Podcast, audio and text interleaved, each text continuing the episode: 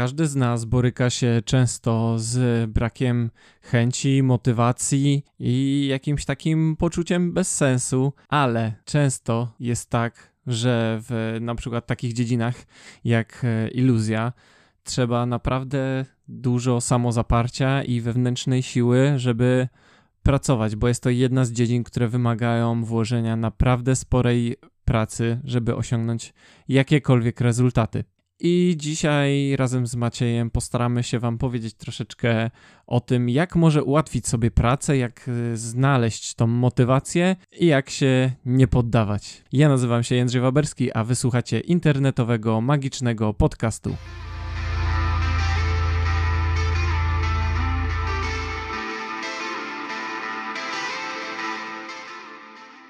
Dzień dobry, cześć, witajcie. Z tej strony ja, Król Maciej. Jestem dzisiaj z Jędrzejem Waberskim waszym ulubionym hostem.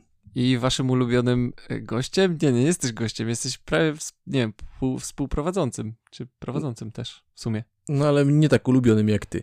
Nieważne. Dobrze. E, dzisiaj porozmawiamy sobie o problemie, który dotyka iluzjonistów wszystkich. Bardziej zaawansowanych, mniej zaawansowanych. E, I myślę, że nie tylko iluzjonistów. Myślę, że każdego, kto zajmuje się jakiegoś rodzaju rzemiosłem bądź sztuką. Myślę, że aplikuje się te same zasady, aplikują się do różnych takich e, czynności, które wymagają poświęcenia dużych ilości czasu, by stawać się lepszym. Tak, i częścią tego poświęcenia czasu, częścią tego treningu jest oczekiwanie na wyniki, które no, w iluzji to bardzo łatwo można zobaczyć, nie przychodzą zbyt łatwo. Dokładnie, więc wymaga to pewnych nakładów, że tak powiem, pracy i cierpliwości. No i generalnie myślę, że iluzja i właśnie te pasje, jakby, czy, czy analogiczne czynności wymagają specyficznego charakteru i takiej zaciętości. Tak, wielu młodych iluzjonistów zada- zadaje nam to pytanie i stwierdziliśmy w różnych formach i stwierdziliśmy, że poświęcimy temu podcast. I żeby nie być już takim mistrzem suspensu, po prostu porozmawiamy o tym, co robić, jeżeli nie chce nam się ćwiczyć, jeżeli nie chce nam się żmudnie ślęczeć nad tymi przysłowiowymi kartami i próbować nauczyć się jakiegoś ruchu. To jest bardzo często spotykany problem i myślę, że dotyka on wielu magików, którzy no, dochodzą po prostu do takiego punktu, gdzie w pewien sposób ich początkowy zapał, e, no nie powiem, że okazuje się słomiany, ale troszeczkę może gaśnie, troszeczkę do, za, zaczynają dostrzegać, że to, czym się zajmują, to jest też tak naprawdę troszeczkę praca i że te ćwiczenia są wymagające, że to nie jest tak hop i nie wszystko przychodzi tak łatwo, jak jest obiecywane w magicznych reklamach. Ja myślę, że to jest taka sytuacja, że na magii samym hobby i miłością do tego się nie przeżyje, nie pociągnie. Tak samo jak związek między dwojgiem ludzi nie jest w stanie opierać się tylko i wyłącznie na miłości fizycznej. Trzeba czegoś więcej. Zmysłowość jest ważna, ale jest wiele więcej elementów, na które trzeba po prostu się pochylić i poćwiczyć razem, przepracować pewne rzeczy. Dokładnie, więc y, Macieju, jak byś zasugerował, od czego moglibyśmy zacząć analizę tego zagadnienia? Ja myślę, że powinniśmy zacząć od początku. Jak zawsze. Znowu od początku, dlaczego? Kiedyś no, zaczniemy od końca. no, ale To się zdziwicie wtedy, no. Tak. Ale zaczynając od początku, jak myślisz, Jędrzeju, czy iluzjonista musi ćwiczyć w ogóle? Czy iluzjonista musi ćwiczyć? No, dla mnie jest to pytanie retoryczne, e, ale myślę, że nasi Nie masz słuchacze... nic przeciwko pytaniom retorycznym? Nie, nie, to ja chętnie odpowiem na Czyż to nie pytanie. wkurzają cię pytania retoryczne? To To było pytanie retoryczne. Gotuję się, jak możesz.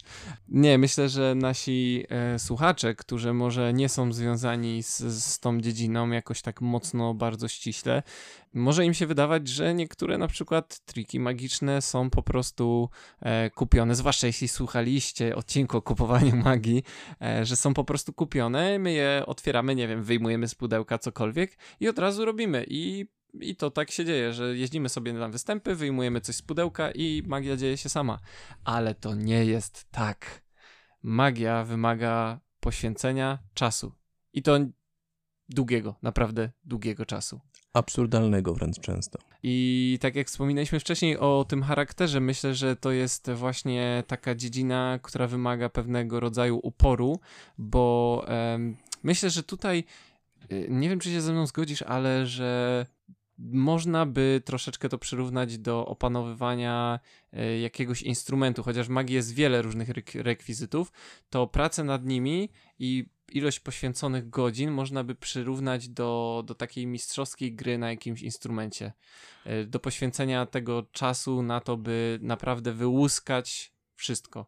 Mm, troszeczkę tak, ale nie do końca. Też do gry na instrumencie jeszcze będziemy wracać, bo to jest rzeczywiście bardzo rzucająca się w oczy analogia, ale ja bym to porównał bardziej do, magię porównał bardziej do jakiejś sztuki walki niż do gry na instrumencie. O. Jako, że i, i gra na instrumencie, bo jestem skrzypkiem z wykształcenia, choć nie praktykuję i sztuki walki gdzieś tam są mi bliskie, to magia daje zdecydowanie więcej wolności. Wolności, którą może dać ci praktykowanie jakiejś tam ruchowej formy ekspresji, gdzie możesz rozwijać się w aspekcie, który cię bardziej interesuje, niż takie klasyczne muzykowanie, znaczy klasyczne wirtuozerskie granie, bo no właśnie, wiesz co tu tak muzykowanie, no, no. wirtuozerskie no. granie to już myślę bardziej pasuje do, do takiego tak. nakładu pracy. Tak, no bo iluzja musi dawać ludziom wolność i jest to, jest to część tej radości, bo grając na przykład na skrzypcach, nie może być tak, że nie umiesz grać na którejś strunie albo w którejś pozycji. Wyobrażasz sobie, bo ty jesteś ukulele aficionado, prawda? Ech, troszeczkę tak.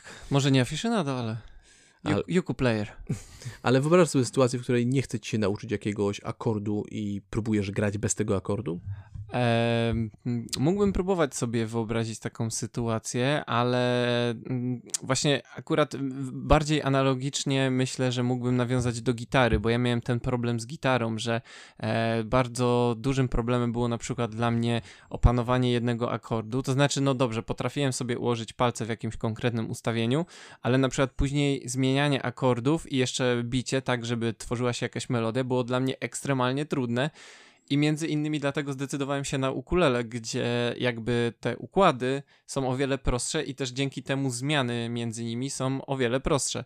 Więc zmieniłem instrument, żeby było to dla mnie przyjemniejsze. Ale tak jak, tak jak mówisz, jeśli e, opanowanie samego jakiegoś akordu jest ciężkie, to natychmiast wydaje mi się, że wkrada się w nas takie zniechęcenie, bo mm, próbujemy czegoś i bardzo nam zależy, żeby zagrać na przykład jakąś naszą ulubioną melodię, a nie jesteśmy w stanie, bo, bo wymaga to cierpliwości. Czyli, jeśli dobrze Cię rozumiem, zgadzasz się ze mną, że żeby grać na instrumencie, musisz go opanować w całości.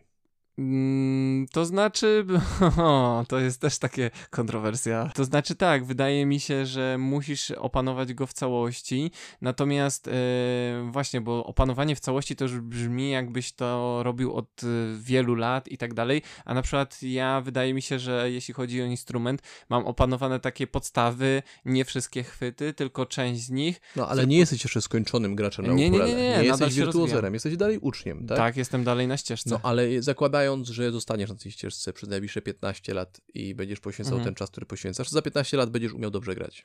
No, Myślę, że tak. No, Mam cudów nadzieję. nie ma. Jeżeli poświęcisz 15 lat czemuś, to będziesz to umiał. No. Dokładnie i myślisz, że mógłbyś zostawić sobie w swojej edukacji dziury i za 15 lat umiejąc już dobrze grać, nie grać jakiegoś akordu i omijać piosenki, dlatego że nie chciało cię tego nauczyć? A, teraz widzę twój punkt widzenia. Nie, no to jeśli, jeśli mówisz, że mm, po, poświęciłbym taką, tak dużą ilość czasu, już robiąc to kilkanaście lat, to myślę, że no, to byłoby niemożliwe. No tak, tak, a gdybyś był na przykład bokserem i nie lubił haka na nerkę, to po prostu skupiasz się na innych uderzeniach i jesteś w stanie być bardzo kompetentnym bokserem, nie posługując się jakąś konkretną techniką. Dokładnie, dokładnie i no w sumie... I jesteś myśl... w stanie się odnaleźć, tak samo dokładnie. jak w iluzji, to jest właśnie mój punkt. A, to do tego Do tego zmierzam, że nie, no w iluzji tak. jesteś w stanie pominąć pewien aspekt iluzji, -hmm. całą dziedzinę iluzji, jesteś w stanie pominąć pewne ruchy i radzić sobie doskonale. Tak jest. Możesz rozwijać się w odrobinę, powiedzmy, innych kierunkach, bądź nawet tworzyć jakieś swoje pomysły, bo to też czasami e, do tego prowadzi, że dam taki przykład, który będzie dość standardowy, bo dotyczy się talii kart i numerów wykonywanych na talii kart.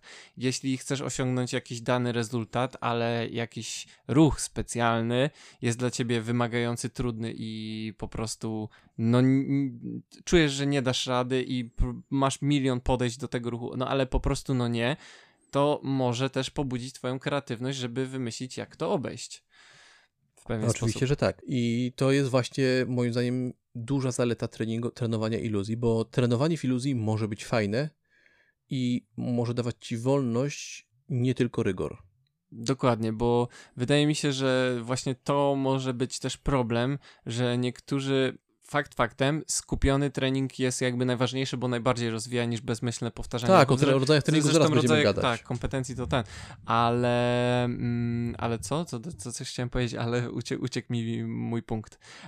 Miałem na myśli, że... A, tak, już wiem, że To niektórzy... zacznij może od początku, żeby łatwiej ci to montowało. Plup. E, tak, bo wydaje mi się, że jest coś takiego, iż skupiony trening e, wielu osobom kojarzy się po prostu z nudą i monotonią e, powtarzania konkretnych ruchów, a myślę, że każdy jakby może też sobie indywidualnie rozplanować taki trening, żeby dostosować go pod siebie i będąc skupionym, ćwiczyć po swojemu, e, a nie narzucać sobie jakichś sztucznych barier, które będą go ograniczały i będą sprawiały, że całość będzie taka jakby monotonna, a tym samym nużąca i odpychająca. Czy się zgadzasz, czy Mm, się nie, nie, my, zgadzasz? my, myślę, że, myślę, że się zgadzam, więc trening iluzji może być fajny, to sprawia, że jeżeli trening iluzji nie jest fajny, to do tego dojdziemy na koniec, ale to znaczy, że robisz coś źle. I druga rzecz, nawet taki mozolny, monotonny trening poszczególnych konkretnych ruchów może być bardzo fajny, bo są ruchy w iluzji i jest zdecydowana większość, których trenowanie jest po prostu przyjemne. Tak, to jest coś takiego, że istnieje grupa ruchów, która po prostu daje przyjemność z samego wykonywania. Po prostu, wiecie, to, to, to ciężko jakby wytłumaczyć słowami, ale kiedy się to wykonuje, e, to po prostu odczuwa się czystą przyjemność. Tak, i... oczywiście studiowanie tych ruchów nie da nam sukcesu, bo w iluzji moim zdaniem około 70% e, tego, co składa się na dobry efekt magiczny, to nie, są, nie jest warstwa techniczna, to nie są ruchy. Ruchy to jest około 30% moim zdaniem, Mhm. ale studiowanie tych 30% może być na tyle przyjemne, że wielu osób, które gdzieś tam pasjonuje się iluzją, zmienia karty, monety czy jakieś tam rekwizyty podstawowe swoje fidget toje. I wydaje mi się, że to też jest teraz zjawisko, zwłaszcza w naszych czasach obecnych, e, bardzo rozpopularyzowane, gdzie mm, nawet doszło do tego, że z takich przyjemnych ruchów, e, z jakichś ewolucji karcianych, urodziła się, możemy powiedzieć jako ciekawostkę, taka dyscyplina, która nie jest znana wszystkim, a nazywa się Efektowne tasowanie kart. Inaczej mówiąc, cardistry, e, tak, o tym mowa. W sumie faktycznie, no po polsku, no nie ma chyba lepszego odpowiednika. Czy ma, masz jakiś? Lepszy? Mm, Nawet jakbym miał to z racji lojalności, bo jeden z naszych redaktorów, Jarosław Rej, był osobą, która przyczyniła się walnie do rozpropagowania efektywnego tasowania kart w Polsce, Mhm. więc to jest mój homaż. Homarz. Mhm. Pozdrawiamy, Jarku. Jarku, kiwamy ci. Kiwu, kiwu. E, właśnie, e, urodziła się taka dyscyplina, no myślę, że się brało stąd, że e, początkowo iluzjoniści wymyślali jakieś takie ozdobniki. Florisze. florisze tak zwane, ozdobniki do em, trików karcianych. Natomiast potem to wyewoluowało, wyewoluowało, coś, coś mi przerywa, e, do tego, że po prostu e, sprawiało im przyjemność wykonywanie sekwencji e, różnie wyglądających takich dziwnych ruchów. No i teraz mamy z tego dyscypliny, nawet są chyba Mistrzostwa Świata w cardistry. Jakieś takie różne y, dzieją się eventy związane tylko z tym, ale my dzisiaj nie o tym, więc Zdecydowanie nie kończmy tą może dygresję e, i przejdźmy dalej do kwestii treningowych. Trening musi być fajny, a trenowanie poszczególnych ruchów jest w stanie sprawić ci głęboką przyjemność, więc jeżeli tak się nie dzieje, to prawdopodobnie gdzieś popełniasz błąd. O tych błędach za chwilę porozmawiamy, ale są dwa rodzaje treningu, nie? Można tak Dwa powiedzieć. rodzaje treningu. Znaczy jest ich więcej, ale trening taki na występie i Mm. trening taki formalny, jak to nazwałeś. No właśnie, bo jest część, gdy trenujemy w domu, a jest część, gdzie występujemy i no w sumie dla iluzjonisty każdy występ jest też jakimś tam procentem treningu. To znaczy, no, że wiadomo, występując, występując, testując jakieś rzeczy, ćwicząc w zaciszu domowym, e, nie zawsze będziemy mieli takie warunki, jak występując przed żywą publicznością, więc zawsze to jest jakby ta druga strona, tak jak Maciej mówi, druga twarz treningu, gdzie zderzamy jakby to zimne swoje przygotowanie z rozgrzaną publicznością i wtedy no, też ćwiczymy. Tak, jest to bardzo ważny temat. Nawet jedno z takich standardowych naszych pytań, które zadajemy każdemu z gości naszego magazynu IMP, Mhm. brzmi, co jest ważniejsze, występowanie czy trening w domu. I zdecydowana większość z nich odpowiada, to jest równie ważne. Dokładnie. Nie można oddzielić tego, nie można przełożyć ciężaru ważności na jedną czy drugą stronę. Występując również trenujemy, a trenując w domu również, znaczy no, trenując w domu w sumie nie występujemy, no nie mogę pociągnąć. No, tak to, to chyba nie działa aż tak analogicznie, ale faktycznie. Jakby no, trzeba rozdzielić te dwie rzeczy, bo to jest też jakby inna, inna forma treningu i jest równie potrzebna, chyba że ktoś na przykład e, jakby tylko trenuje magiczne rzeczy dla własnej przyjemności, bo chyba są takie osoby, które robią to tylko i wyłącznie dla siebie. Mhm, I to jest wspaniała droga, to jest już ostateczna wolność. E, ale myślę, że do tego też jeszcze dojdziemy, do tego, co jeżeli magia jest pasją i nie chce nam się ćwiczyć. Mhm. E, więc trening jest ważny, trening jest równie ważny jak występowanie, występowanie jest równie ważne jak trening i jest takie zdanie, które bardzo lubię, że podnosić duże ciężary, musisz podnosić duże ciężary. Więc jeżeli nie chce ci się ćwiczyć i czujesz, nie chce mi się ćwiczyć, to prawdopodobnie nigdzie nie dojdziesz. I no tutaj nie ma co owijać bawełnę, no takie, mhm. są, takie są fakty. I inne takie zdanie, które może być pomocne w rozważaniu tego tematu, podczas takich momentów załamania się, kiedy nie chce się trenować, jest to, że niechęć do treningu jest częścią treningu. To nie jest tak, że kiedy patrzysz na siłowni, na tych wszystkich dobrze zbudowanych ludzi, i oni pokonują swoje problemy przy wykonaniu ósmego powtórzenia w dziesiątej serii, to nie jest tak, że to jest jedyny problem. Im też się nie chce wyjść z domu, im też się nie chce brać torby sportowej. Właśnie tutaj, jak mówisz o wychodzeniu z domu, to tak ja wtrącę e, swoje trzy grosze, bo jako, że od e, już prawie dekady regularnie biegam, to e, tak przypomniała mi się analogia, kiedy rozmawiałem po prostu ze swoimi znajomymi o tym, jak to jest z tym bieganiem i tak dalej. I ludzie często mówią, że nie mają motywacji i w ogóle no chcieliby, ale, ale coś tego nie czują.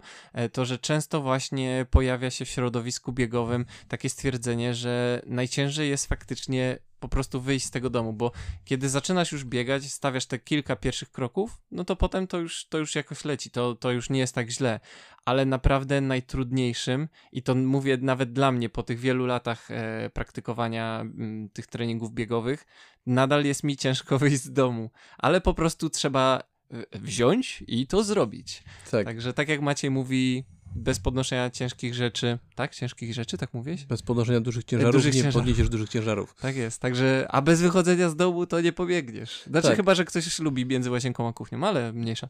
No i to właśnie to wychodzenie z domu, o tym musimy pamiętać, że ka każda osoba, która trenuje, która coś osiąga, pokonuje więcej przeszkód, niż jesteśmy w stanie widzieć. Bo to, że mamy problem z opanowaniem jakiejś techniki, czy jakiejś sekwencji ruchów, czy zrozumieniem jakiegoś fragmentu książki, to nie jest największa i jedna przeszkoda w utrzymywaniu regularnego treningu. To jest tylko jakby tam jeden z kamyczków, e, które ranią nasze stópki na drodze ku chwale, e, ale jest faktycznie tego więcej i no trudności się zdarzają różne, ale no jakby tutaj dzisiaj e, myślę, że chcieliśmy się skoncentrować właśnie na tym, kiedy w ogóle brakuje nam jakiejkolwiek motywacji i tego jakby punktu zapalnego do, do tego, by po prostu rozpocząć i spiąć się w sobie i, po, i powiedzieć e, sobie, że mu, muszę po prostu to zrobić i, i zacząć. I wtedy już raczej większość powinna się potoczyć sama. No tak, i potem to już leci z przysłowiowej górki. A co jeżeli naprawdę nie chcecie ćwiczyć? Iluzja jest twoją pasją i nagle gubi się w niej przyjemność? No ale właśnie, czy y, mówisz, podkreślasz pasją, czy iluzja już jest zawodem? Czy jeszcze nie, nie do, dochodzimy tam? No właśnie, to jest, to jest bardzo ważne rozróżnienie, no to dobrze, jest, że tego mhm. dotknąłeś. Mhm. Bo są ludzie, dla których, jeżeli nie chcecie ćwiczyć, to po prostu nie ćwicz. To jest twoja pasja. Nie, nie musisz tego robić. Nie musisz tego robić. Nie odpowiadasz przed nikim. Ja bardzo zachęcam ludzi, którzy zajmują się iluzją hobbystycznie do tego, żeby robili sobie przerwy. Jeżeli magia jest dla nich ważna, jeżeli oni są ważni dla magii, to magia znajdzie do nich drogę. Tak było w wielu przypadkach, wielu słynnych iluzjonistów tak miało. Myślę, że mogę tutaj przytoczyć e, takiego słynnego iluzjonistę Davida Williamsona, który wielokrotnie opowiadał, że on występował kilkadziesiąt już e, chyba lat e, na różnych scenach dookoła całego świata i bardzo intensywnie rozumiecie, po prostu e, kariera iluzjonistyczna jego była w, w rozkwicie e, od wielu, wielu lat. Natomiast doszedł do takiego zderzenia, kiedy po prostu się wypalił i stwierdził, że no nie, nie ma siły tego robić.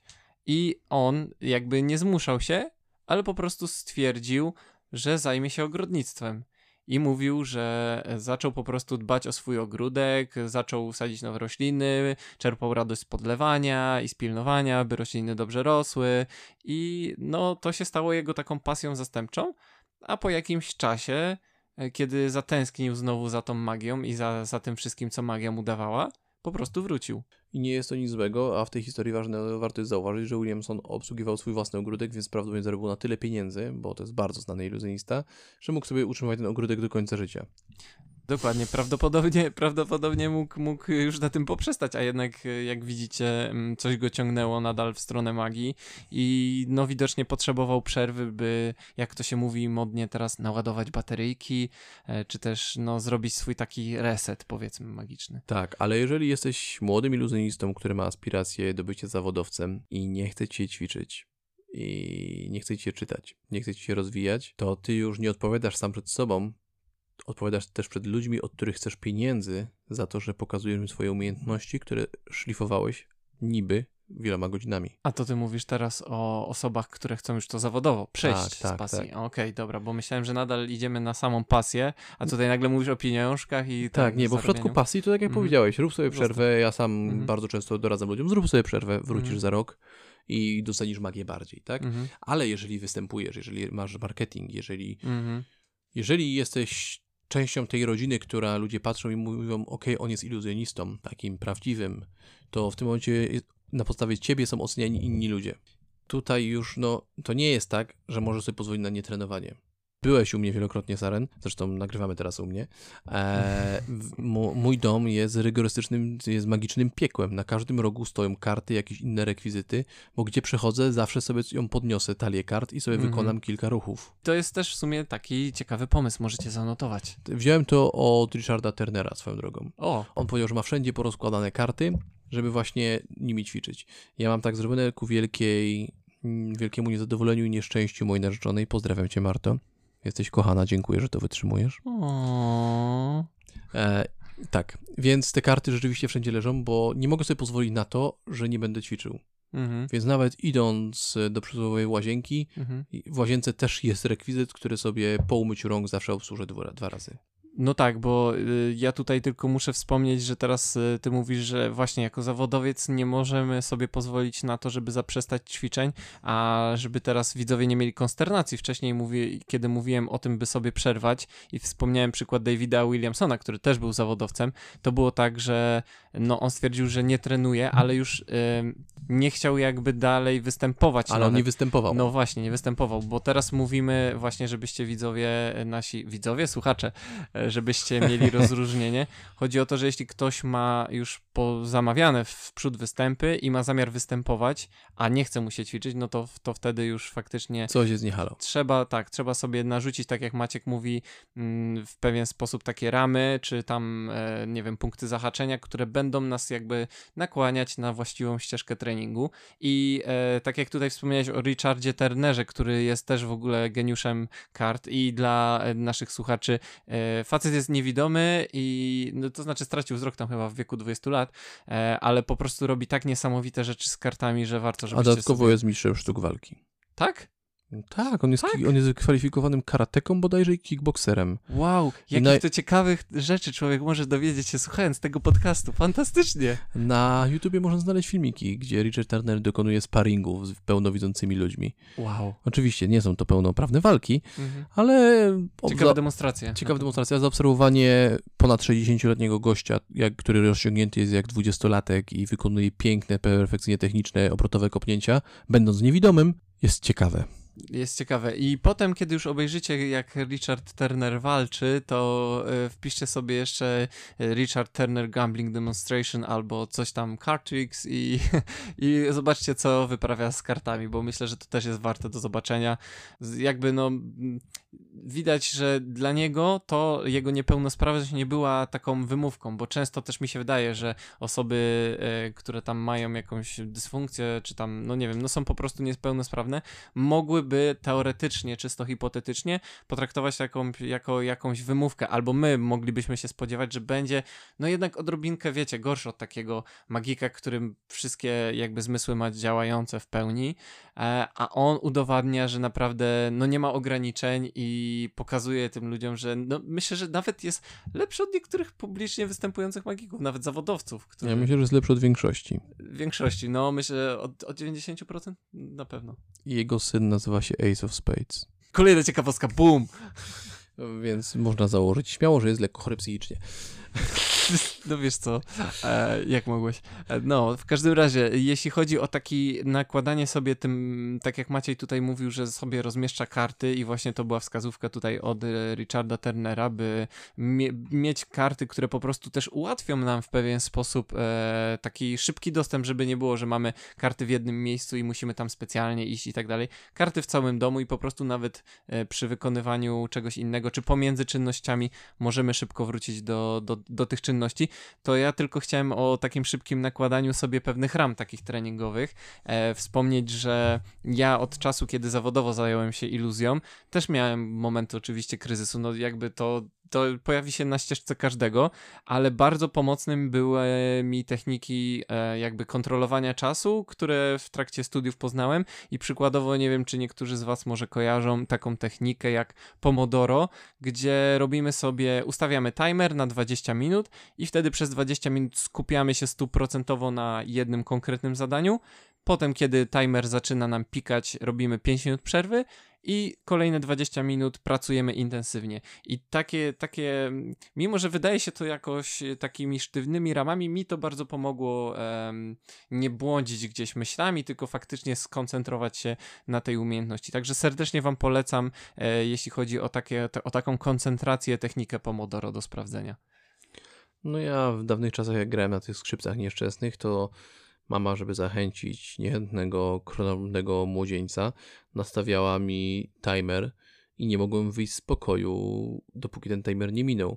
I miałem obowiązek grać, do czego też byłem zachęcany. Poczekaj, niech zgadnę. Grając na skrzypcach, yy, tak w, wydaje mi się, że mama nastawiała ci na więcej ten timer niż 20 minut. No tak, nastawiała na godzinę, półtorej godziny, dwie mm. godziny, różnie. E, potem sam znalazłem w tym pewną przyjemność i sam nastawiałem sobie ten timer, bo stało się to moją własną wewnętrzną medytacją, moim wyłączeniem się. Mhm.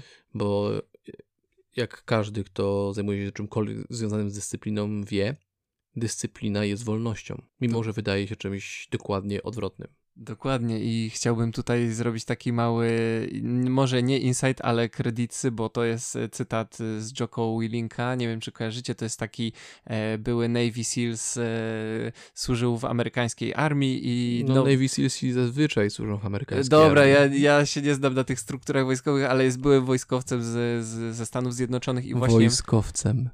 Przepraszam, dobra, e, nie bij mnie Jarku, nie bij mnie Jarku, ała, ała.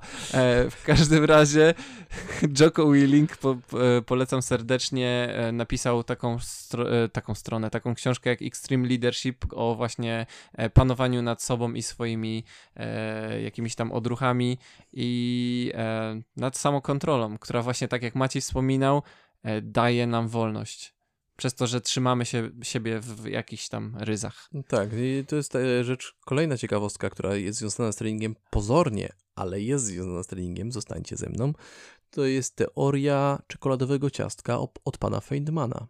Feynmana. Mówisz tak, o fizyku. Mówię o fizyku. E, Richard Feynman. Mhm. Dokładnie, tak jak mówi Jędrzej. E, on zawsze całe życie zamawiał na deser w restauracji ciastko z czekoladą. O proszę. Przez co nie, bo zauważył, że ludzie podejmują bardzo, tracą bardzo dużo czasu zastanawiając się, co zjeść na deser. I przeliczył sobie to i stwierdził, że to jest tam jakieś w ciągu miesiąca, jakieś absurdalne ilości mm czasu, jakieś kilka godzin. I stwierdził, że on bez myślenia zawsze będzie zamawiał ciastko z czekoladą, które ciastko z czekoladą jest ok. I zawsze zamawiał ciastko z czekoladą. I kiedy ludzie tracili po 5-15 minut zastanawiając się, co zjedzą na deser, on mógł sobie myśleć, czyli wykonywać swoją pracę. Dlatego i takie upraszczanie, takie systemy bardzo ułatwiają trening, Bo jeżeli chcesz się nauczyć jakiegoś ruchu, daj sobie obowiązek, że tego dnia nie pójdziesz spać, dopóki nie wykonasz 50 razy ten jeden Mhm. efekt. Właśnie chciałem tutaj wspomnieć, że ja na przykład też e, swego czasu i w sumie nadal od czasu do czasu stosuję tę technikę, nie zawsze, ale czasami na przykład ucząc się jakiegoś nowego ruchu, kiedy już mam go powiedzmy w miarę opanowany, wiem co tam powinno się odbywać, e, że po prostu na karteczce rozpisuję sobie e, co chcę powtórzyć w danym treningu, jakieś konkretne ruchy i powiedzmy po wykonaniu ich sobie zaznaczam xikiem e, albo mam wydrukowaną kiedyś, jak była popularna e, teoria, która już została obalona 10 tysięcy godzin e, do tego, by zostać mistrzem w jakiejś dziedzinie. Mm, miałem wydrukowane kartki, na których miałem 10 tysięcy kratek na autentyk i to było, nie pamiętam już ile kartek wychodziło, ale były drobne krateczki. Ja po każdej godzinie ćwiczenia magii zaznaczyłem sobie krateczkę i to wisiało w widocznym miejscu i też w pewien sposób motywowało mnie, że widziałem, o, jeszcze mam tyle pustych kratek, a kiedy będę ćwiczył, mogę sobie je zakreślić. I automatycznie wypełniając te kratki iksikami, wiedziałem, że zbliżam się do mistrzostwa. Mimo, że ta teoria troszeczkę została obalona w późniejszym czasie, ale wiadomo, no tyle godzin, godzin treningu na pewno nie, za, nie, za, e, nie zaszkodzi. Byłeś z tym u lekarza? No, byłem, ale nie mów nikomu. Okej, to jest najbardziej odjechana rzecz, jaką w życiu słyszałem. 10 tysięcy kratek. No, naprawdę, nie, ale słyszałeś chyba o tym, o tej teorii Tak, 10 o, tak, oczywiście. Ja się, Mhm. ja się z tym zgadzam. Mhm. Flight time jest wszystkim. E, tylko, że ja uważam, że w przypadku iluzji to nie jest 10 tysięcy godzin treningu prywatnego, tylko 10 tysięcy godzin występowania. Tak jest. I to znacznie komplikuje tą sprawę. Kiedyś liczyłem, kiedyś występowałem dużo, dużo, dużo więcej niż dzisiaj. Robiłem masę występów. No, tygodniowo tam leciało mi ile? 4, 12. Tygodniowo występowałem około 15 godzin, 16. E, Regularnie, nie licząc dodatkowych zleceń. I ja zastanawiałem się, czy po tych 4 latach występowania w ten sposób miałem już 10 tysięcy godzin. Okazało się, że się nawet nie zbliżyłem do połowy. No tak, to, 10 tysięcy godzin to jest dużo. to jest bardzo dużo. Kto, ktoś przeliczał, ile to jest lat? No w sumie poczekajcie. 365 dni ma rok. Razy. Dobra, nie, nie brnijmy, bo to za długo trwało, ale generalnie 10 tysięcy godzin, uwierzcie nam, to jest bardzo dużo. E, więc e, tak, tak jak Maciej mówi, no jeśli chodzi o, o naszą dziedzinę, jakby którą się zajmujemy, faktycznie trening w domu to jest jedno, a tak jak wspomnieliśmy wam na początku, trzeba rozróżnić trening przed e, widzem na żywo i no, myślę, że jeśli chodzi o te właśnie godziny, które naprawdę dają nam, dają, dają nam rzeczywiste takie już mocniejsze korzyści, no to jest naprawdę to, kiedy występujemy, czyli tak jak Maciej wspomniał, jak mówiłeś, flight time? Flight Mhm. time to się na, na to mówi chyba. Zresztą no to właśnie nie wzięło się przy, przypadkowo, bo to chyba z, z, od pilotów, tak? Którzy tak, muszą, którzy muszą mieć określone godziny wylatane, Mhm. żeby dalej być pilotem. No tak, no, nie no właśnie i nie, to nie chodzi tutaj, nie liczą się chyba godziny na symulatorze, tylko Tak. faktycznie spędzone w powietrzu. Wracając do punktu, z którego uciekliśmy w tą trwającą chyba już 15 minut dygresję, jeżeli nie chcecie ćwiczyć i jesteś zawodowcem, to prawdopodobnie albo musisz zacząć ćwiczyć i pokonać to, bo to jest przeszkoda, którą musisz pokonać, albo przestać okłamywać siebie i swoich widzów i przestać być zawodowcem. Bo może też być po prostu tak, że mm, stwierdziłeś, że magia to będzie twoja ścieżka, bo dostrzegłeś w tym, no nie wiem, łatwy zarobek, a potem po, po zderzeniu z rzeczywistością okazało się, że no tutaj jednak faktycznie trzeba w to wkładać pracę, e, bo tak warto podkreślić też jeszcze raz, że to jest praca. Niektórzy twierdzą, że no iluzja, co, co to jest za praca? Jeździsz sobie z imprezy na imprezę, od weekendu do weekendu, w tygodniu możesz spać do 12 i oglądać seriale, no i dostajesz pieniądze tak naprawdę za, za chodzenie na imprezy. Co to jest za praca? A faktycznie, jeśli ktoś jest zawodowcem, To, To- twoja narzeczona umawia się z tobą na randki. co? I może mieszkacie razem, bo nie macie dla siebie czasu. Przepraszam, Marto. Tak, także właśnie trzeba wygospodarować czas, bo, bo po prostu w tygodniu też jesteśmy zajęci jakby tą całą właśnie e, częścią przygotowawczą naszej pracy. I to było też coś, e, co ja na przykład mówiłem e, kilkukrotnie podczas pandemii, to znaczy nadal trwającej pandemii, e, że e, parę osób mnie pytało, no to jak tam, to no teraz no nie, nie pracujesz tak już w ogóle ten, a ja mówię, nie no jakby część przygotowawcza mojej pracy się nie zmieniła. Ja nadal w tygodniu ćwiczę, e, piszę swoje teksty, e, nagrywam między innymi audycje i zajmuję się całą tą częścią marketingową, reklamową. Robię wszystko to, co robiłem w tygodniu, tylko tak naprawdę zniknęła ta część wykonawcza na której zarabiam. Tak. Więc to był ten mały problem. Ja myślę, że u nas wszyscy w redakcji mieliśmy takie same spostrzeżenie, że podczas pandemii, mimo że przestaliśmy zarabiać, zaczęliśmy pracować jeszcze więcej niż wcześniej, bo pewnie nagramy o tym odcinek, ale występy, jeżeli jesteś kompetentnym iluzjonistą, to występy są najprzyjemniejszą częścią pracy i ja uważam, że występy wszyscy robimy za darmo. Mhm. Pieniądze, które bierzemy, to są pieniądze za wyjście z domu, ubranie się, wyprasowanie koszuli, dojechanie na występ, bo bycie z ludźmi, prezentowanie im magii Mhm. jest tak przyjemne, że gdyby. No, no to można robić za darmo. No tak, naprawdę. Ale jechać do Lublina po to, żeby 30 minut hej, miło hej, spędzić hej. czas, to już jest no większe wyzwanie. Saren uwielbia jeździć do Lublina. Ja uwielbiam jeździć do Lublina, to dlatego po prostu. E, nie, no właśnie tak jak Maciek mówi, em, co prawda, e, no to jest bardzo specyficzne, ale, ale faktycznie, no my to robimy z autentycznej, że tak powiem, miłości i, i na, chciałem powiedzieć, jakby nam, jakbyśmy my mogli dopłacić, to byśmy to robili, ale może nie brnijmy, tak, aż tak. Ale taka jest prawda. Jakby wiecie, to jest jedna z tych przyjemniejszych e, prac, które teraz są tak też mocno reklamowane, że zajmij się tym, co kochasz, a nigdy nie przepracujesz dnia. E, ale no tutaj autentycznie. Prawda jest tak taka, zajmij się tym, co kochasz, a nigdy nie będziesz miał godziny wolnej, bo albo będziesz robił to, co kochasz, albo będziesz Tak. myślał o tym, co Tak. kochasz. Tak, to jest bardzo, bardzo absorbujące. Z kolei, e, tak jak w, o, o, akurat o tym rozmawiamy, to przypomniało mi się, że też ym, znalazłem ostatnio takie w miarę, no, myślę, że trafne spostrzeżenie, e, chociaż no, ja się wyłamałem z niego, że jeden e, marketingowiec jakiś mówił, że jeśli masz jakąś swoją pasję, którą robisz od wielu lat i ją kochasz, to nie zakładaj firmy, która to robi, bo jakby z, przez biznesowe podejście stracisz całą miłość do tego. Ja myślę, że to akurat u nas się powiedzmy nie sprawdziło. Znaczy, to jest E. taki dosyć duży paradoks. Znaczy, w przypadku nas, iluzjonistów, to nie jest problem, ale w kręgach biznesowych jeden z moich mentorów biznesowych opowiadał tą historię z lubością, dalej ją opowiada, Mhm. że mamy gościa, który umie piec rewelacyjne ciastka. Mhm. O Jak właśnie. on upiecze babeczkę, to to jest najlepsza babeczka na świecie. I wszyscy, którzy jedzą, odwiedzają go, jedzą tą babeczkę, mówią, kurczę, to jest najlepsza babeczka na świecie, powinien zacząć je sprzedawać. Dokładnie. Więc pan od babeczek otwiera piekarnię, załatwia wszystkie formalności i po chwili ma piekarnię.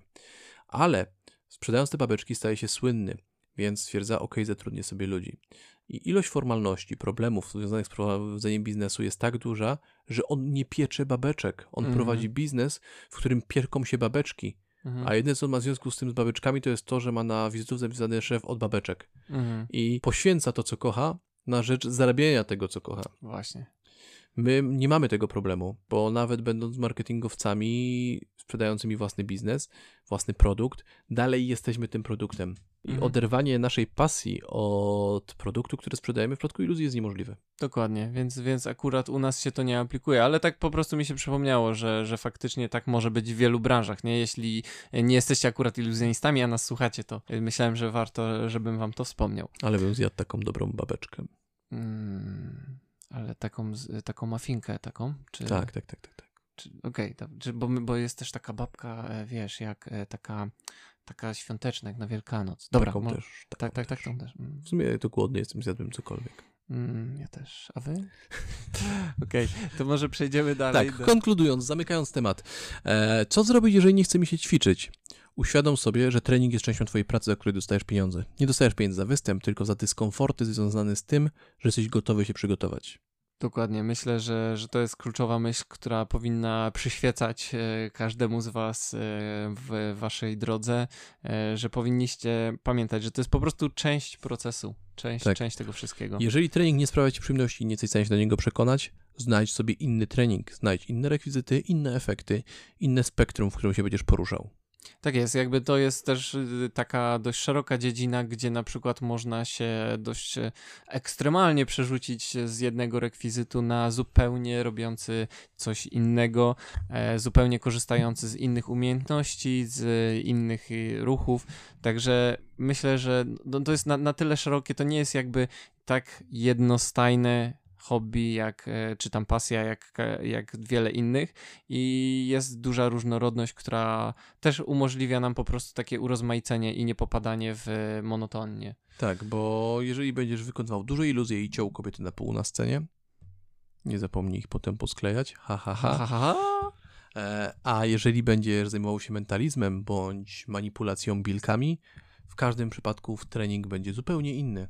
I dalej będziesz iluzjonistą, a trening będzie zupełnie inny, więc znajdź coś, co będzie sprawiało ci przyjemność. Znajdź sobie taki rodzaj treningu, który jeżeli ktoś wejdzie ci do pokoju, mama, żona, wujek, dziadek, ktokolwiek, a ty będziesz trenował, to będziesz reagował gniewem, że przerywają ci trening, mhm. a nie ulgą, że możesz odrzucić to do kąta. Do, nie, też y, jeśli chodzi tylko, tylko o to urozmaicanie, to ja tak y, chciałbym tylko szybko nawiązać, że oczywiście y, zachęcamy do urozmaicenia swojego treningu i próbowania różnych rzeczy i robienia tego, co akurat jest dla nas przyjemne, ale jednocześnie należy pamiętać, że jeśli chwycicie, nie wiem, na przykład jakąś monetę i zrobicie jeden efekt z monetą, który jest, znacie, a zaraz potem chwycicie talię kart i zrobicie coś z kartami, i zaraz potem chwycicie jakiś inny rekwizyt i będziecie tak się przerzucać, to prawdopodobnie też wasz trening będzie nieefektywny, więc pamiętajcie, do wszystkiego trzeba mieć taki e, zdrowy rozsądek i podchodzić, e, wiecie, wiecie o co chodzi, mam nadzieję. Tak, a jeżeli nie wiecie, to możecie o tym poczytać na naszej grupie impowej, prawdopodobnie przeczytać w którymś naj, na najbliższym impie, albo przeczytać jakąkolwiek książkę Tima Ferrisa. Dokładnie, bo Tim Ferriss tak szybko e, streszcze analizuje e, nawyki ludzi sukcesu i jakie są ich dążenia, jakie są właśnie ich systemy, które ułatwiają im pracę i myślę, że, że to też mogłoby się wam przydać, jeśli brakuje wam motywacji, nie możecie się zabrać albo po prostu nie wiecie jak trenować. Tak, brak motywacji jest częścią treningu, a pokonywanie braku motywacji jest ważnym jego elementem. I myślę, że tą wspaniałą myślą zakończymy ten odcinek, e, który tutaj mieliśmy przyjemność z Maciejem dla Was poprowadzić. Chyba, że Maciej chce jeszcze dodać jakąś myśl, ale widzę, że może już nie chce, więc e, po prostu zachowajmy ten e, umiar i zakończmy ten odcinek, żegnając się z Wami, drodzy widzowie. Więc dziękujemy serdecznie za odsłuchanie. Mówił do Was Król Maciej i Jędrzej Waberski. Trzymajcie się ciepło, cześć.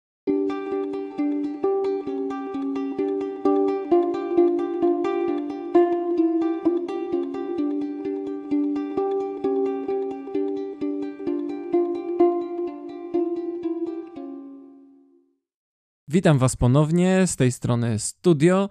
E, chciałem Wam tylko tak bardzo szybciutko podkreślić tutaj jakby konkludując cały temat, że e, jest dużo jakby systemów, które mogą pomagać nam nad taką skupioną pracą i nad tym, e, by utrzymać motywację, ale myślę, że tak jak tutaj wspomnieliśmy, e, nie wiem czy kojarzycie właśnie Tima Ferisa, e, on ma wydane takie dwie książki jak Tools of Titans i Tribe of Mentors, które analizują systemy systemy pracy ludzi sukcesu, można tak powiedzieć, i które jakby wyciągają z tych wszystkich rutyn i systemów pracy takie kluczowe punkty, które mogą nam w bardzo szybki i bardzo prosty sposób pomóc. Więc myślę, że to jest na pewno coś, na co warto zwrócić uwagę, e, jeśli chcecie jakby usprawnić i zoptymalizować swoją pracę to jest to na pewno warte sprawdzenia. E, jest dużo zresztą teraz książek coachingowych i tego typu podobnych tematów, które motywują ludzi do pracy, ale, ale myślę, że tutaj to jest sprawdzone źródło przez naszą redakcję i faktycznie kilka ciekawych narzędzi tam znaleźliśmy, więc możemy e, z czystym sumieniem polecić również i Wam.